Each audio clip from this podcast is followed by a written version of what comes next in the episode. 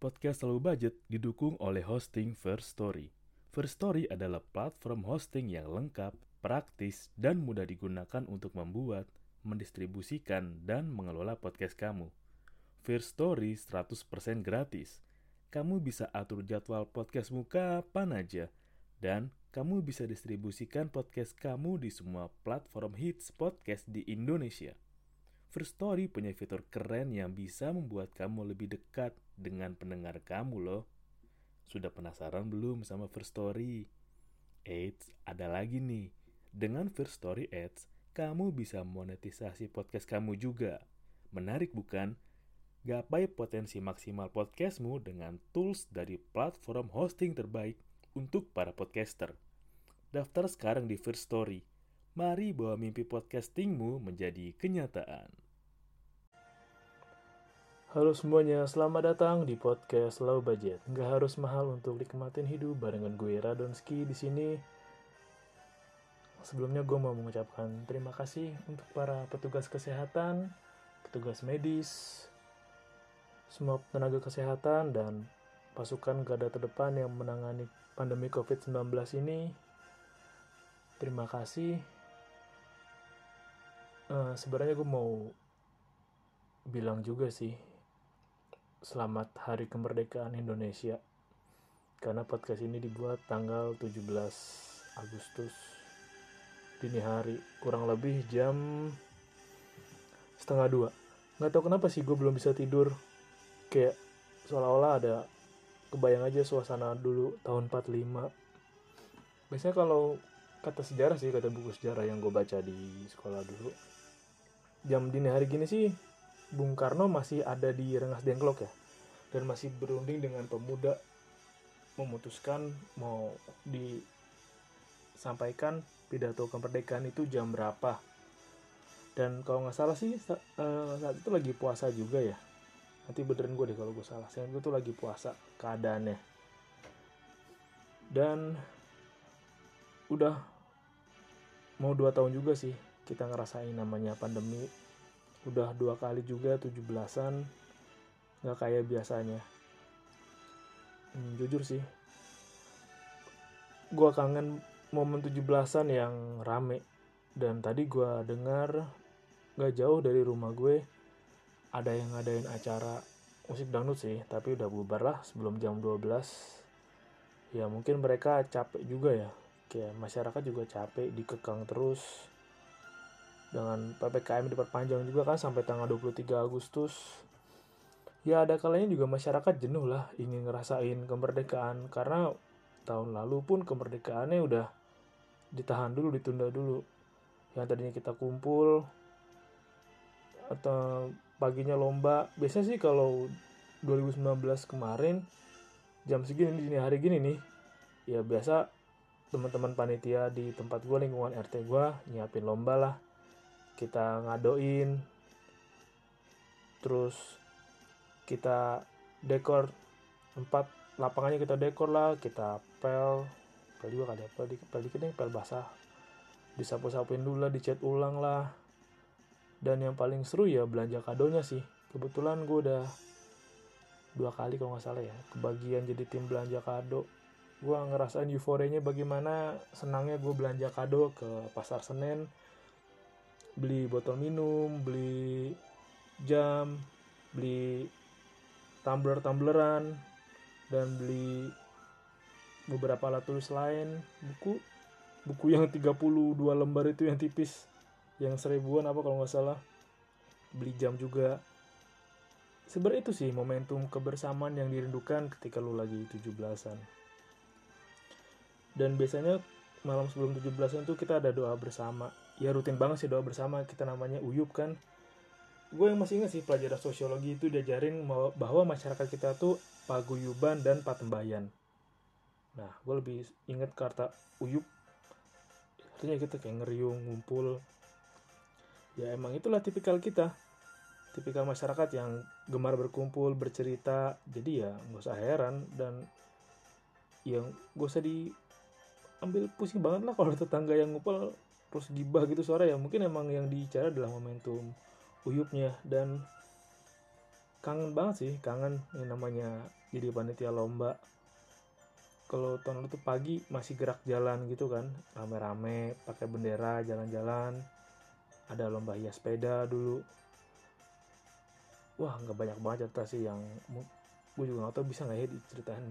Banyak lah tapi kalau flashback 2019 kemarin udah jadi panitia berasa banget tanggung jawabnya ya di mana tuh kita harus bisa membuat senang anak-anak. Jadi kan kita bukan anak-anak nih kita udah dewasa dan kita harus bisa bikin lomba yang buat anak-anak seneng. Ya random juga sih. Paling yang umum di tempat gue itu lomba nangkep ikan. Kemarin tuh ganti nangkep ikan diganti pakai nangkep belut. Wah itu ada sih tim belanja belut nih. Asli licin banget terus lomba pecah air kan. Jadi ngisi air dulu terus diikat pakai tali rapia. Karena emang gue nggak pintar ngikat tali ya gue serahkan sama yang lain aja deh. Yang ikat ya pecah air lu ikat pakai kacu kan diikat belakang lu putar-putar-putar nah jalan itu. Atau lari bendera. Beh lari bendera tuh asik banget sih. Itu lomba lari bendera tuh irit banget. Kalau bisa dibilang udah berapa lu pakai berapa tahun pun alat buat lari bendera tuh nggak berubah cuma perlu botol kosong sedotan dan bendera yang plastik. Itu awet banget. Lari gundu juga. Ya kali tiap lomba 17-an beli gundu. Nggak perlu lah ada sendok ada di rumah juga sama gundu. Atau lomba masukin paku ke dalam botol. Itu lucu banget sih. Mungkin gue masih bisa nginget lah berapa kali momen dulu gue jadi peserta itu rame banget menyenangkan banget. Apalagi malamnya kayak bawahnya udah lah nggak pengen tidur lah pengen buru-buru besok 17-an toh semua anak-anak pun udah siap gitu nyimpen stamina nyimpen wah potensi mereka lah tenaga mereka disimpan semua biar 17-an nanti tuh lombanya bisa maksimal. Dan gengsi-gengsian juga sih kayak anak-anak yang pasti ketika lu punya geng gitu waktu kecil kan lo waktu kecil nggak mungkin lah main sendiri pasti ada ngeriung ada abang-abangannya yang lebih tuain dan mereka jadi role model gitu kan ya mau nggak mau lu harus ngikutin mereka dan ikut dengan mereka. Dan ngikutin gayanya lah ngikutin bahasanya ngikutin pergaulannya lah ngikutin abang-abangan lu. Dan kalau abang-abangan gak menang lomba sih antara RT gitu teman-teman sebelahnya ya malu juga. Kangen sih kangen banget momen itu. Dan ketika malam 17-an itu yang paling kangenin ya uyupnya. Jadi kayak di RT gue tuh biasa ngeriung gitu ibu-ibunya masak bapaknya ya tar benerin lampu gitu kan ngecat lapangan nyapu-nyapu. Kalau ke bagian masang sound gitu kan. Masang sound ada biduannya. Nah sebelum dangdutan ya kita doa bareng dulu tuh. Doa bareng ya mendoakan para pahlawan. Karena ya kita bisa ngerasain kemerdekaan 76 tahun ini berkat jasa para pahlawan yang nggak kehitung banyak banget jumlahnya. Dan seru banget sih kalau udah kumpul makan-makan tuh seru makan ngobrol makan kacang kan ngobrol sampai pagi. Dulu pas masih ada piala dunia lebih seru lagi tuh. Nonton sampai pagi sambil gue masih inget banget yang namanya ngerebus kerang tuh. Dulu masih ada ada yang ngebosin kan beh kerang itu sampai mabuk kerang lu makan bener-bener mabok. Ya kan kerang rebus sendiri saus nggak pakai saus kacang dulu ngeracik saus belibis uh lu makan kerang sampai uh, udah nggak kuat deh asli sampai itu plastik plastik kerang hijau. Wah itu itu sih momen yang dirindukan. Yang ketika paginya lo biasa bangun siang sekarang lo bangun pagi bangun jam 6 yang paling salut adalah bagaimana bocah-bocah itu bisa bangun pagi heran gue pada jam 11 malam itu bocah masih nongkrong masih kumpul di lapangan ya bocah kelas 2 3 SD lah. Jam 6 pagi udah ready. Udah pakai sepatu udah mandi udah bedakan. Lah panitia datang jam 7 asli beda banget emosi kalau anak-anak yang antusiasme dan tenaganya itu lebih gede daripada orang dewasa. Ya lo harus akuin itulah untuk beberapa orang. Dan namanya bocah ketika lomba ya senang-senang aja mau sampai siang juga. Ya paling kalau sampai siang tenaganya udah mulai agak lesu lah paling kalau lomba tuh sampai jam 10 setengah 11 mentok deh. Terus jeda jeda sampai jam 3 nah momen jeda tuh paling enak tuh. Dari jam 11 sampai jam 3 itu kan ya biasa nongkrong-nongkrong di pos nungguin alat nyobain cemilan banyak banget. Main uno main poker main apa lah udah. Sampai setengah empat. Kagak mandi kagak mandi dah. Cuma tugasnya jagain alat sama jagain hadiah di situ. Itu sih yang paling dirindukan dan udah dua tahun juga berarti kita menunda dulu ya. Semoga nggak ada tahun ketiga. Karena capek banget sih dengan keadaan kayak gini. Ya di mana mana keadaan masih chaos nggak kondusif. Ditambah dengan ini kan 17 Agustus ya. Kalau lu lihat flashback dua hari terakhir itu bag, lihat bagaimana suara-suara rakyat udah mulai dihapusin lah. Ya seolah-olah kayak mural itu menjadi momok menakutkan. Karya seni jalan itu menjadi menakutkan yang, soal non part not found Tuhan aku lapar. Ya lapar lah. Gue berasa banget berasa banget beda. Ya kemarin gue setelah sekian lama itu akhirnya gue nongkrong kan di Mukidi. 20 menit itu nggak berasa banget 20 menit. Dengan protokolnya yang gitulah yang cashless lah yang 20 menit tuh gue cuma dia dari scan menu itu gue cuma ngabisin cemilan doang. Karena bagi gue ya ngobrol ada cemilan ya udah ngobrol tuh lama gitu. Kalau 20 menit ya buat makan doang sih buat ngobrol sih. Dan ya secara psikologis pastilah orang-orang capek banget lah. Dan gue bisa ngeliat sih dari bahasa tubuh. Kemarin kan gue yang ke Mukidi itu kan gue juga tuh ada security-nya ada yang bagian pramusajinya terus ada yang bagian manajernya. Gue bisa ngeliat sih bahasa tubuhnya manajer Mukidi itu yang gak tenang lah. Karena kelangsungan timnya bergantung padanya dan bergantung ke pundaknya ke manajernya. Kalau tahu ada pengunjungnya ugal-ugalan ya semua harus ditanggung manajernya sih dan itulah makanya dibutuhin kerjasama dengan keadaan lagi nggak enak ini di mana ya lo tahu sendiri lah suara-suara udah mulai dibungkam udah ada baliho juga udah mulai banyak dan gue kemarin sempet juga sih nyimak obrolan di YouTube Total Politik soal baliho. Ini lucu juga sih kalau dibuat jokes kayak ya berarti ketika ada calon yang masang baliho artinya dia percaya bahwa ada orang yang keluar rumah. Dan dia juga nggak percaya ppkm itu bisa berlangsung dengan baik. Iya juga sih. Iya juga ya. Tapi mungkin nanti gue akan adain obrolan langsung lah mengenai banyak baliho itu bagus tapi kapan-kapan aja deh. Gue cuma mau berbagi aja apa yang gue pikirin dan yang gue rasain malam ini. Soal malam 17-an yang beda soal rasanya tuh gue kebayang di tahun 45 dulu lah bagaimana keadaan belum kondusif dan kita masih dijajah. Ya kalau lo bilang kita udah merdeka ya mari kita urutkan lagi definisinya. Merdeka itu artinya ya lu bebas kan? Tapi apa kalau lu bisa menjadi seorang yang bebas. Kalau secara kenegaraan, gue mengutip kata-kata dari Pak Mardigo deh ya, bahwa ketika lu yakin penjajahan udah nggak ada, coba ini lagi deh, penjajahan sekarang tuh bukan soal negara menguasai suatu teritori atau ya penjajah menguasai suatu teritori, tapi penjajahan sekarang bentuknya emang udah lebih modern. Lu bisa penjajahan berupa ideologi, barang-barang, pasar, mindset, ya pola pikir, itu banyak banget sih dan gue juga masih heran.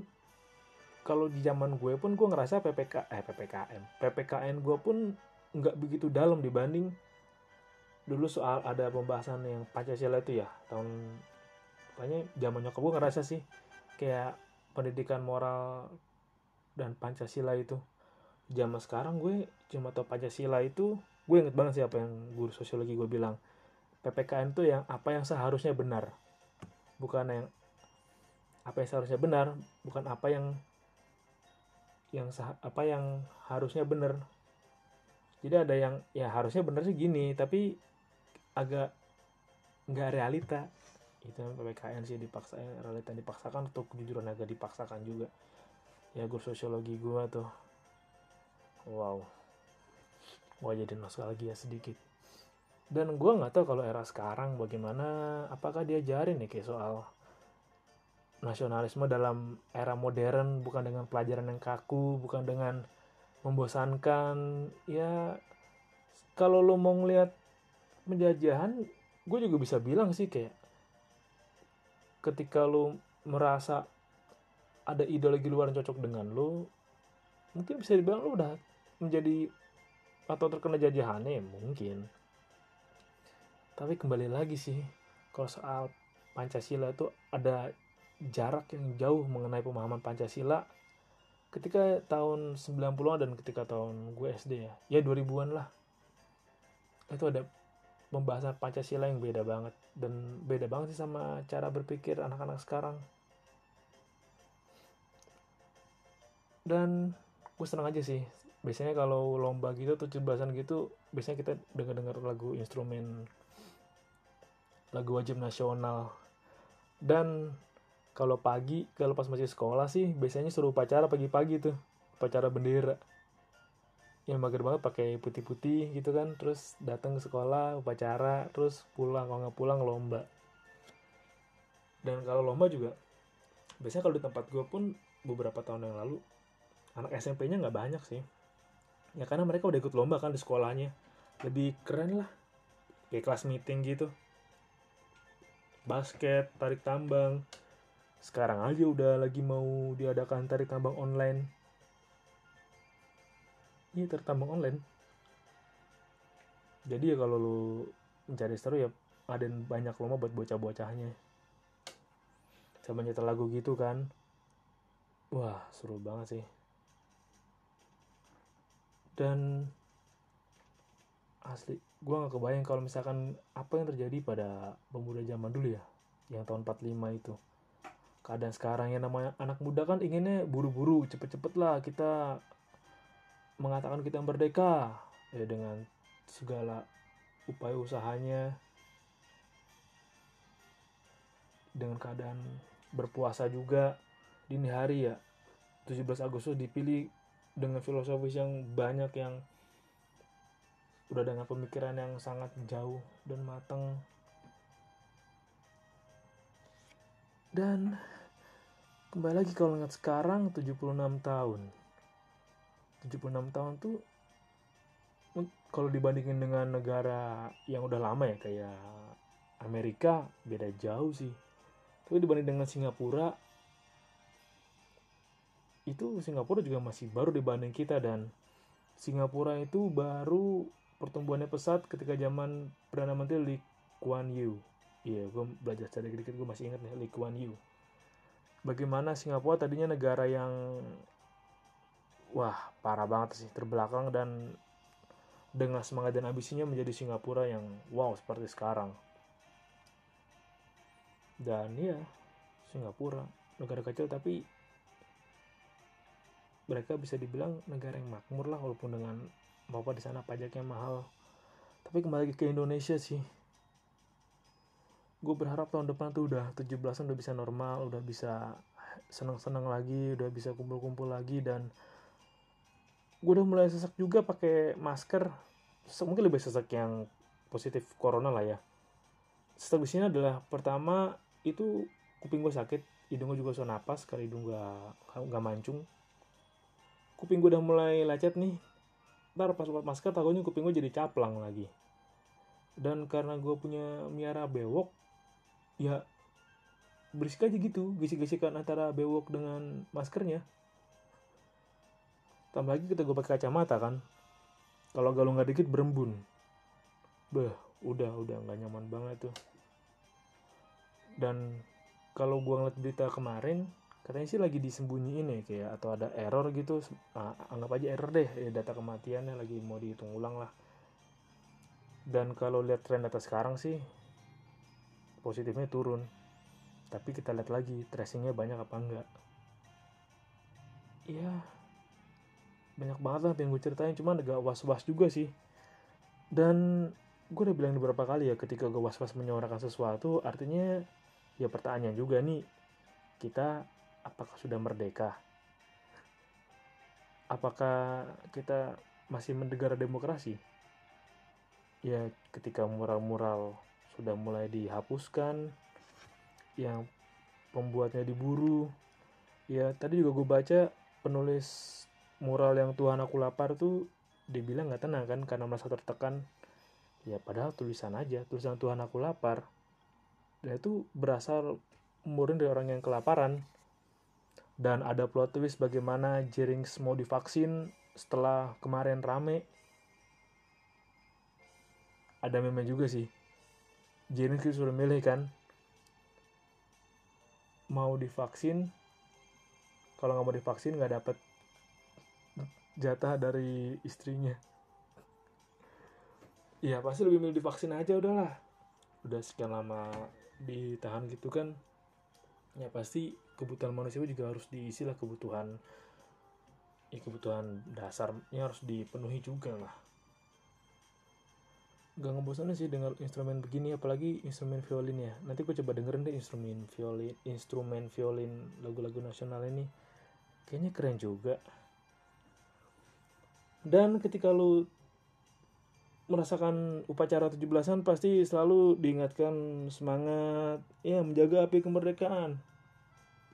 Menjaga semangat perjuangan. Iya ya lagi-lagi kata itu bisa dirangkai dengan manis kata-kata bisa dirangkai dengan bijak bisa dirangkai dengan sangat mendayu sangat ya membuat gelora. Tapi tetaplah tindakan itu lebih berarti dibanding kata-kata yang manis. Gue percaya itu sih. Dan wah gue jadi ingat Bung Karno. Udah kata-katanya keren tindakannya juga keren pola pikirnya keren. Gue masih penasaran sih buku apa yang Bung Karno baca dulu. Karena pemikirannya tuh masih nyambung dengan 2000 sekarang bahkan sampai 2045 soal nyetak uang lah soal bagaimana menilai aset lah bagaimana soal menjadi negara superpower lah. Gila gue nggak kebayang kalau misalkan ide Bung Karno itu nggak dihalangin oleh masyarakatnya sendiri. Kita jadi negara superpower superpower negara adidaya. Gila men. Gue kalau mau beli barang nggak perlu mahal-mahal sekarang misalkan gue mau beli PS5 dari Jepang gitu nggak perlu mahal kena yennya. Malah yen yang ngikutin kita. Dan kita lebih berkuasa bukan jadi negara apa-apa nerimo apa-apa nerimo sampah nerimo totonya dikeruk kain dikeruk. Ya banyak lagi lah. Dan gue juga harus hati-hati sih ngefilter kata-kata gue ya. Takut ada tukang bakso lewat tukang bakso tukang putu mungkin atau tukang kue rangi sering lewat depan rumah ya nggak tahu sih. Tapi ya buat gue kemerdekaan oke secara kata-kata udah mereka tapi kemerdekaan secara individu kita harus cari masing-masing dan hanya kita yang tahu apakah kita sudah merdeka atau belum secara individu apakah mimpi kita sudah merdeka tindakan kita sudah merdeka pikiran kita sudah merdeka. Ya hanya lo yang tahu lah gue nggak tahu. Lo cara tahu jawabannya sendiri deh. Ya nikmatin di libur 17-an ini ya udah 17-an jangan diubah-ubah lah diganti.